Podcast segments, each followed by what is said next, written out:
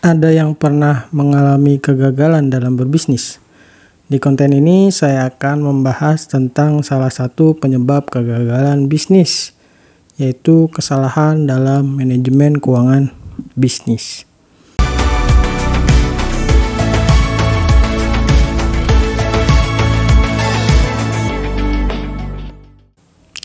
Ada sebuah riset yang menyatakan bahwa 82% kegagalan bisnis itu disebabkan oleh buruknya manajemen keuangan.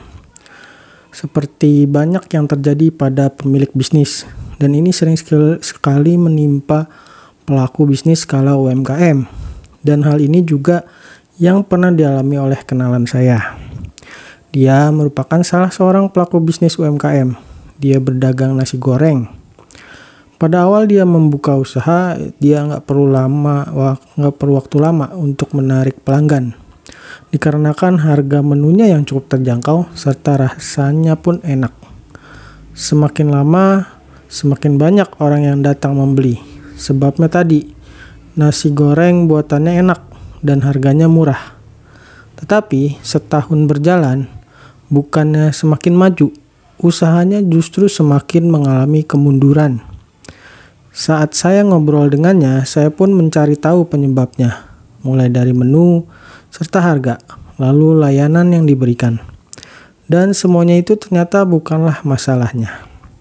Kemudian saya pun menanyakan terus menggali dan menggali, lalu saya tanya mengenai manajemen keuangannya dan di situlah ternyata masalahnya. Dia rupanya mencampur keuangan usahanya dengan keuangan rumah tangganya. Sehingga tidak ada pemisah. Selain itu, dia pun tidak pernah mencatat arus kas dari usahanya itu, sehingga nggak jelas uangnya itu habis ke mana. Itulah masalah yang banyak ditemui oleh para pelaku bisnis, dan umumnya dialami oleh para pelaku UMKM. Lalu, masalah apa lagi yang merupakan kesalahan dalam manajemen keuangan dalam bisnis?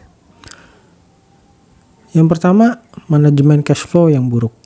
Hal ini dapat terjadi jika kamu tidak membuat laporan keuangan, sehingga kamu nggak tahu berapa jumlah uang yang masuk dan keluar, serta asalnya. Jika kamu memiliki laporan keuangan yang baik, kamu pun akan bisa membuat perencanaan alokasi pengeluaran yang baik, seperti berapa anggaran untuk promosi, berapa anggaran untuk persediaan, dan sebagainya.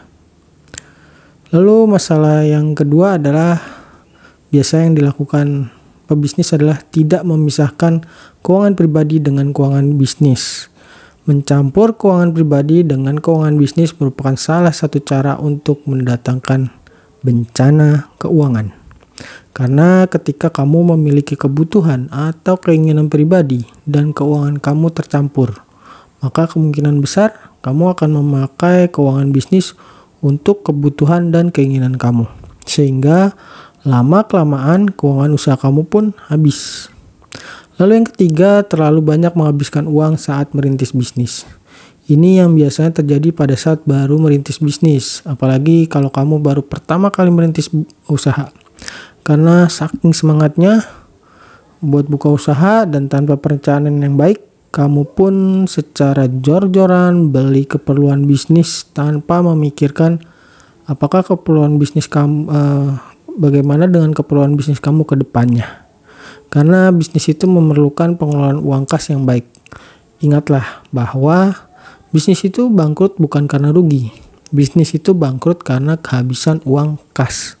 Jadi, jika kamu terlalu jor-joran di awal, kamu tuh bisa beresiko kehilangan uang kas. Yang keempat, tidak menyiapkan dana darurat saat berbisnis. Dana darurat itu sangat penting bukan hanya untuk keuangan pribadi, tapi juga untuk keuangan usaha kamu. Kita itu nggak tahu apa yang akan terjadi ke depannya. Maka itu sebelum merintis usaha, usahakanlah memiliki dana darurat yang mencukupi. Lalu berapa sih jumlah idealnya? Sebaiknya kamu memiliki dana darurat untuk satu tahun usaha. Apalagi saat kamu baru mulai merintis. Jarang sekali suatu usaha langsung laris di awal merintis sehingga kamu perlu memiliki dana darurat yang mencukupi. Itulah tadi hal-hal yang merupakan buruknya manajemen keuangan usaha. Sebenarnya penyebab hancurnya sebuah bisnis bukan cuma manajemen keuangan yang buruk, Namun, banyak sekali bisnis yang hancur dikarenakan buruknya pengelolaan keuangan. Semoga dengan konten ini kamu yang saat ini berbisnis atau mau memulai bisnis bisa memetik pelajaran dari apa yang saya sampaikan ini. Oke, sampai di sini pembahasan tentang kesalahan dalam manajemen keuangan bisnis.